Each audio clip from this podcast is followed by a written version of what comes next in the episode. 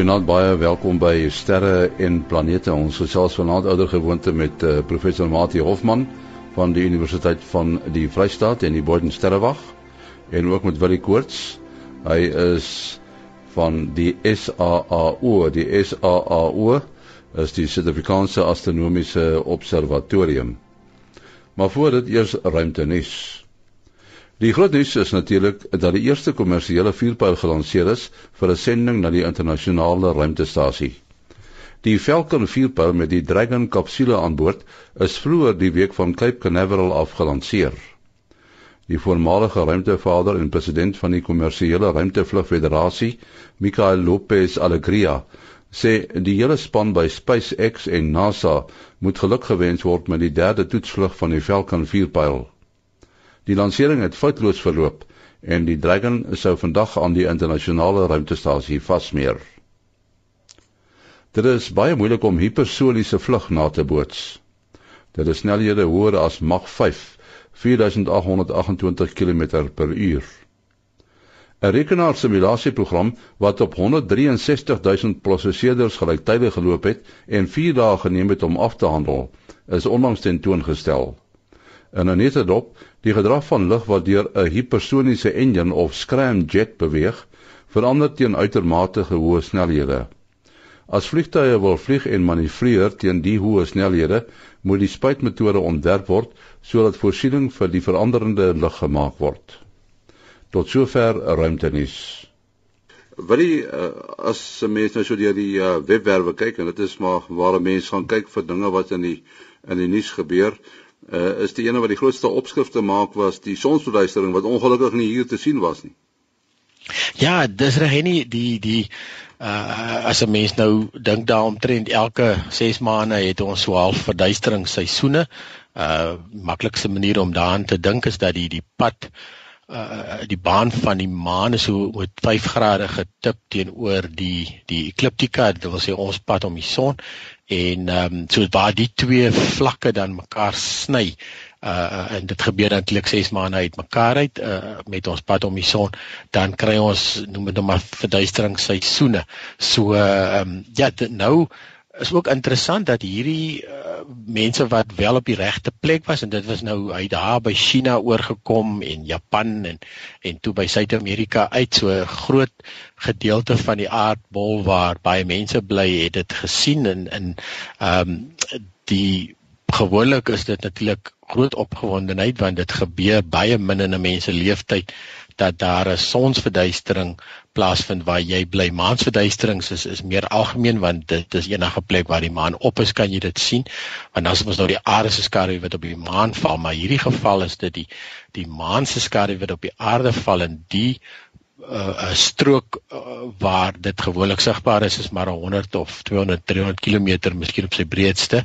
En um, jy moet op die regte plek op die regte tyd wees en en gewoonlik moet 'n mens reis anderster gaan. Jy nie in jou leeftyd uh, by jou dorp of dit gaan dit nie by jou uitkom nie. Dis nou soos een van hierdie uh, sirkusse wat jy moet die sirkus kom na jou toe nie altyd nie. Jy moet jy na die sirkus toe gaan.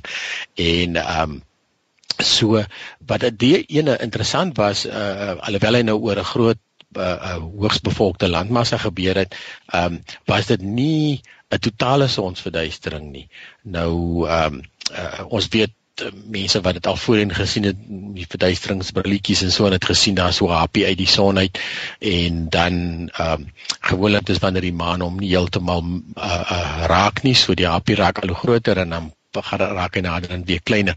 So selfs al, al wat jy nou op hierdie dit maar senterlyn, ehm um, dan het sou daar altyd 'n randjie van die son. Hulle in Engels praat hulle van 'n annular eclipse.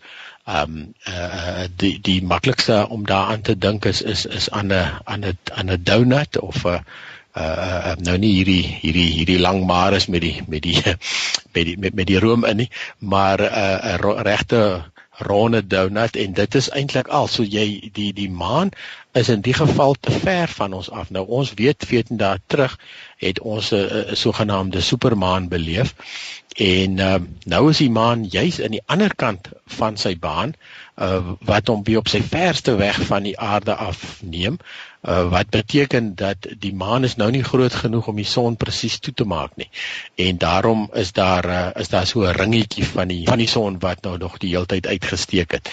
En dan word dit natuurlik nooit heeltemal donker nie. Dit is ongelooflik. Dit is net as die as die son heeltemal heeltemal agter die maan verdwyn wat dit werklik donker raak. Uh um, maar dit dit gee ook uh, interessante fotos. Ek het uh, op 'n foto afgekom wat um het iemand gestuur het wat dit lyk dit lyk amper soos 'n bil se horings want die want die son het net opgekom maar die son is nou gedeeltelik verduister deur die maan en en dan is daar wolke aan die onderkant so jy sien hierdie twee tipiese bilhorings daarso jy sê groot groot opgewondenheid dit gee dit gee ook vir jou uh, uh, uh, lekker fotos en dit het natuurlik nou 'n Sondag gebeur. Ek dink nou daaraan, dit is nou maar heeltemal teoreties as 'n mens nou op Jupiter kon kon staan en uh, mens wil dan na sonsverduisterings kyk, dan gaan jy 'n hele klomp sien waar daar's meer as 64 maane.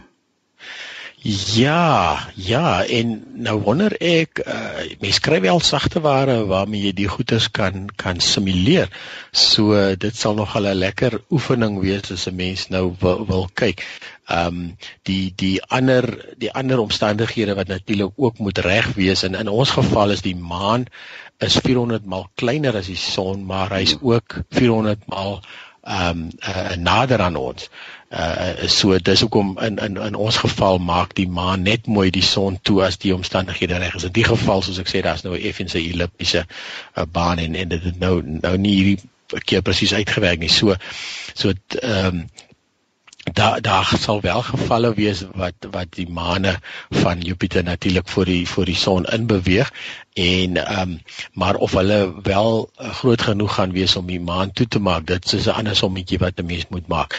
Ons moet ook onthou dat ehm um, behalwe vir die vier Galileo maane wat wat nou uh, Galileo Galilei al 400 plus jaar gelede ontdek het, ehm um, uh, wat baie duidelik deur sommer met 'n klein teleskoop hier van die aarde af sigbaar is, is natuurlik baie groot maane. Is die is die res van die maane veral van Jupiter is maar eintlik onbeduidend en is maar net eintlik stukke rots wat daar dryf.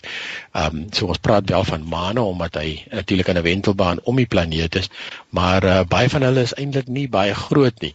Ehm um, maar natuurlik ook 'n uh, uh, die vier Galileo maane is ook as ek reg onthou van die naaste maane. Uh so dit gaan natuurlik weer goed wees om vir jou verduisterings te gee. Ja, jy praat nou so van van maane. Wat is die definisie van 'n maan?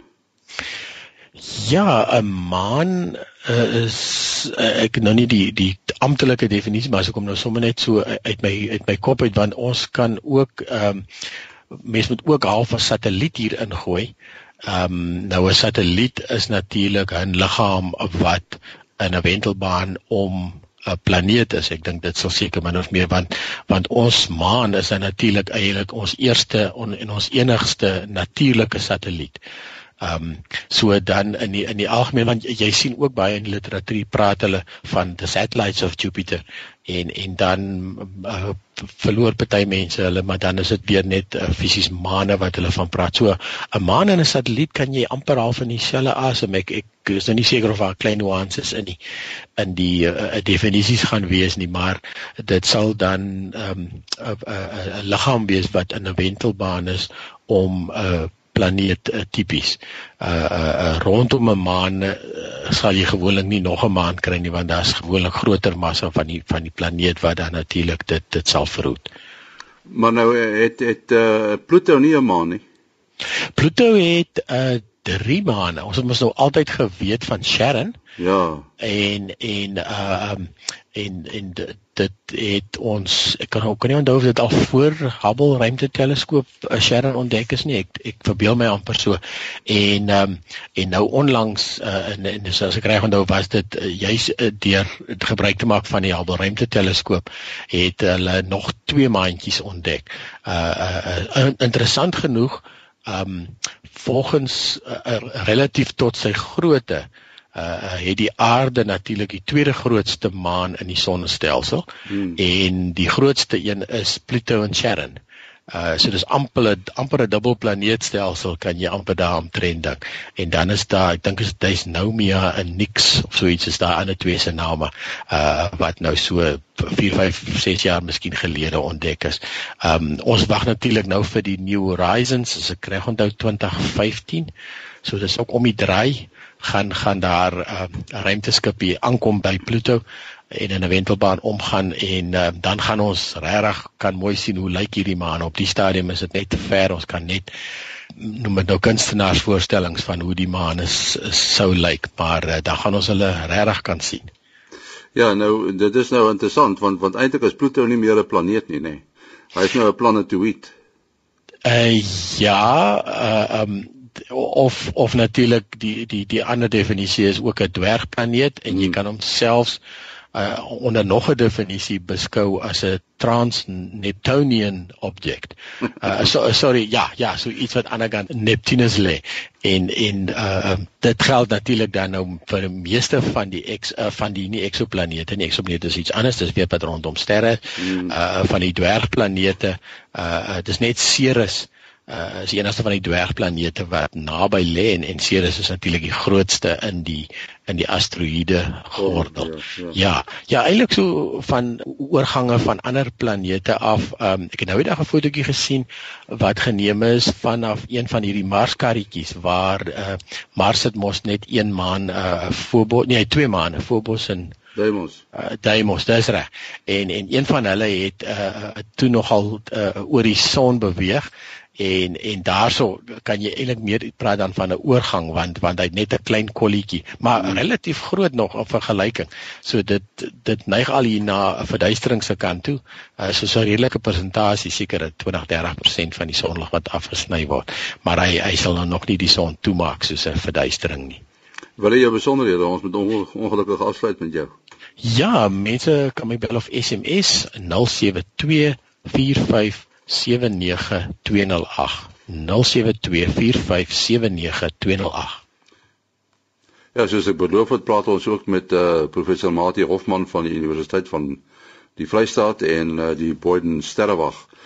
Uh, toe ons nou met Willie gepraat het, uh, Mati, toe was die groot nuus natuurlik die die sonsverduistering wat uh, nou nie in die land gesien is nie. En ons het nogal 'n bietjie uitgebreid gepraat daaroor. Maar ja. intussen het daar ook 'n uh, ander groot nuusgebeurtenis sy opwagting gemaak en dit is die feit dat uh dat SpaceX toe nou gelanseer is, die eerste private vuurpyl wat na die internasionale ruimtestasie gelanseer is. En dit dit uh lui eintlik 'n nuwe tydperk aan, né? Uh ja, en dit is nie lank terug nie wat ons nog so half bekommerd gevra het, maar wat gaan nou gebeur as die die pendeltuig uh sending aftree?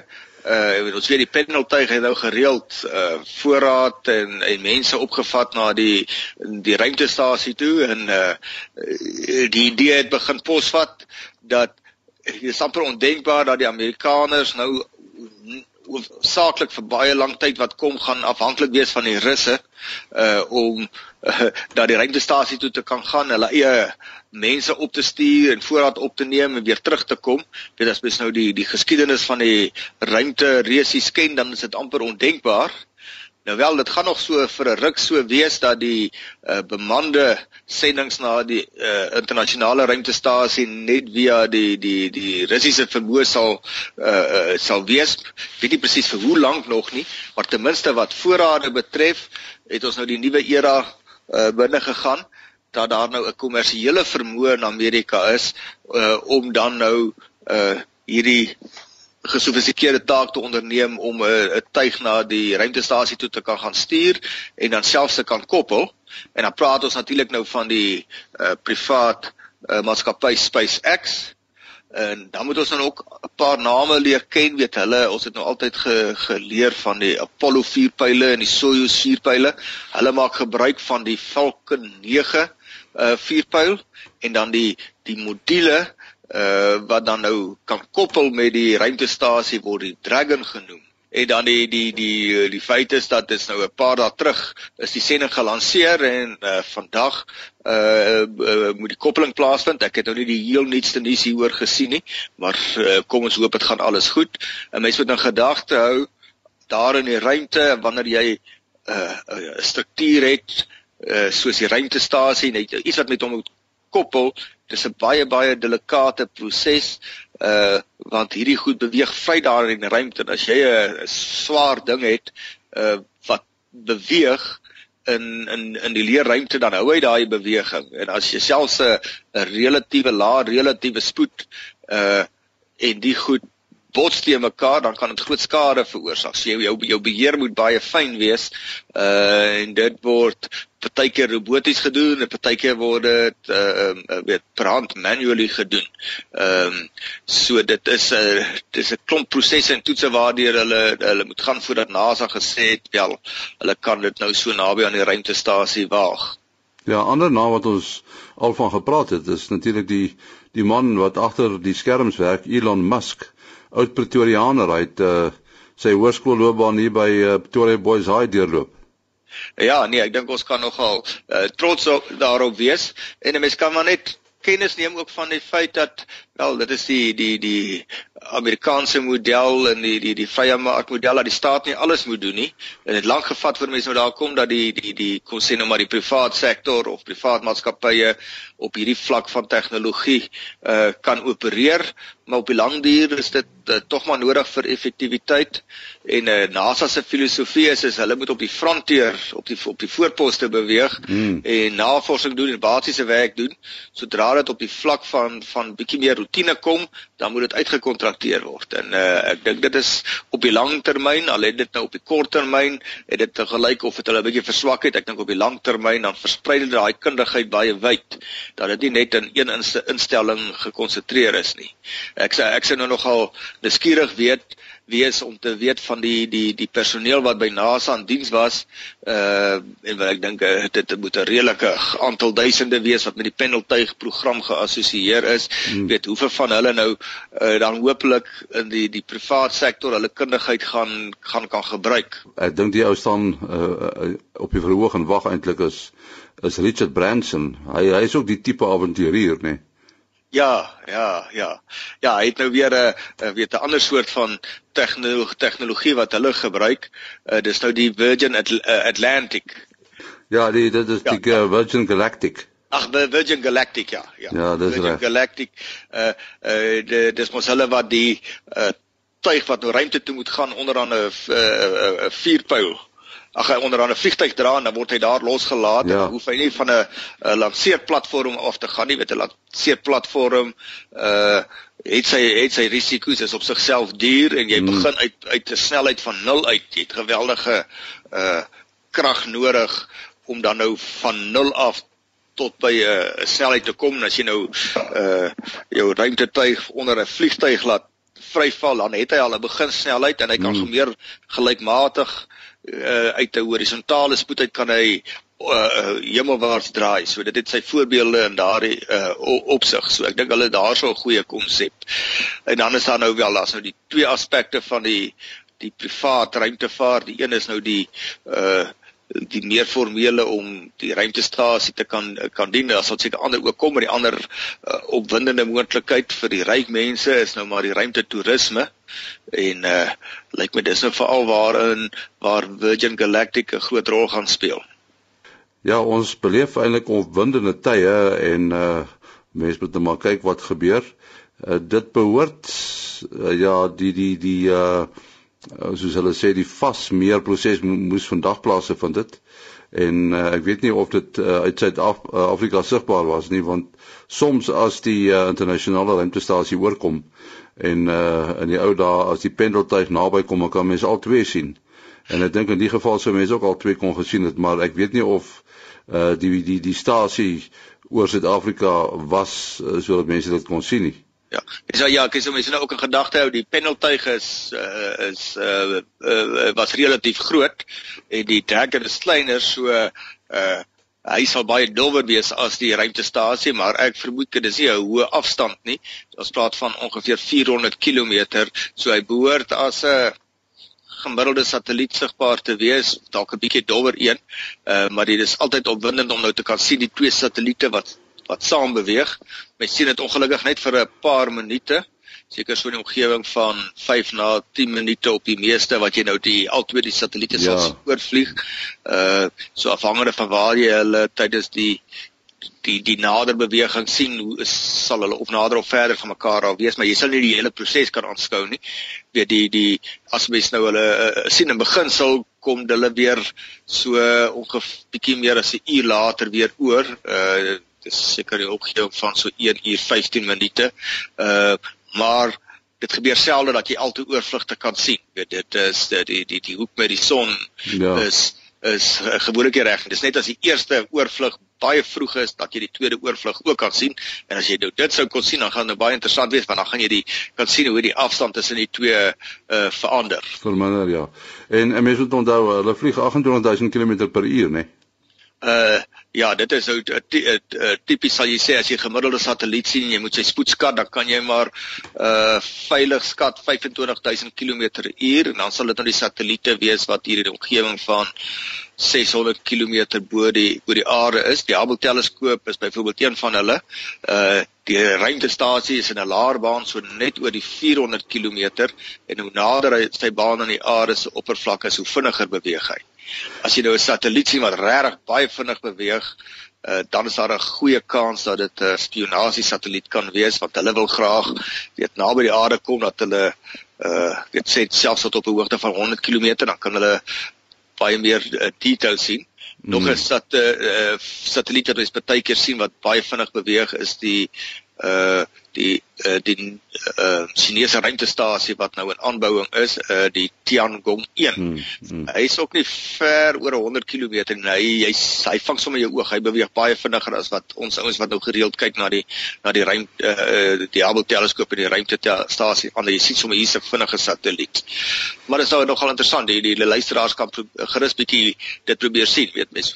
Moet net so klein bietjie moeite doen en uh, in die donkerte buite kyk. Elke aand sal jy satelliete sien party vlieg noord-suid of suid-noord en ander uh meer oos-wes, maar tipies met 'n bietjie van 'n hoek. So die Hubble teleskoop het is nie reg oos-wes nie. Hy kom so uh weet sê nou maar uit die noordweste uh na die suidooste of of jy vang nou weer in 'n oorgestelde rigting afhangende van waar die uh waar wanneer jy onder die rol beweeg as hy weer as hy besig is om noordwaarts te beweeg of as hy besig is om suidwaarts te beweeg. Ja, ons moet onthou dat Suid-Afrika ook 'n satelliet daarbo het, Sumbandila sat. Hy is nog aan die gang, lyk dit my. Uh ja, en maar dis nou nie 'n satelliet wat jy met die blote oog gaan sien nie, nee. hy is baie klein.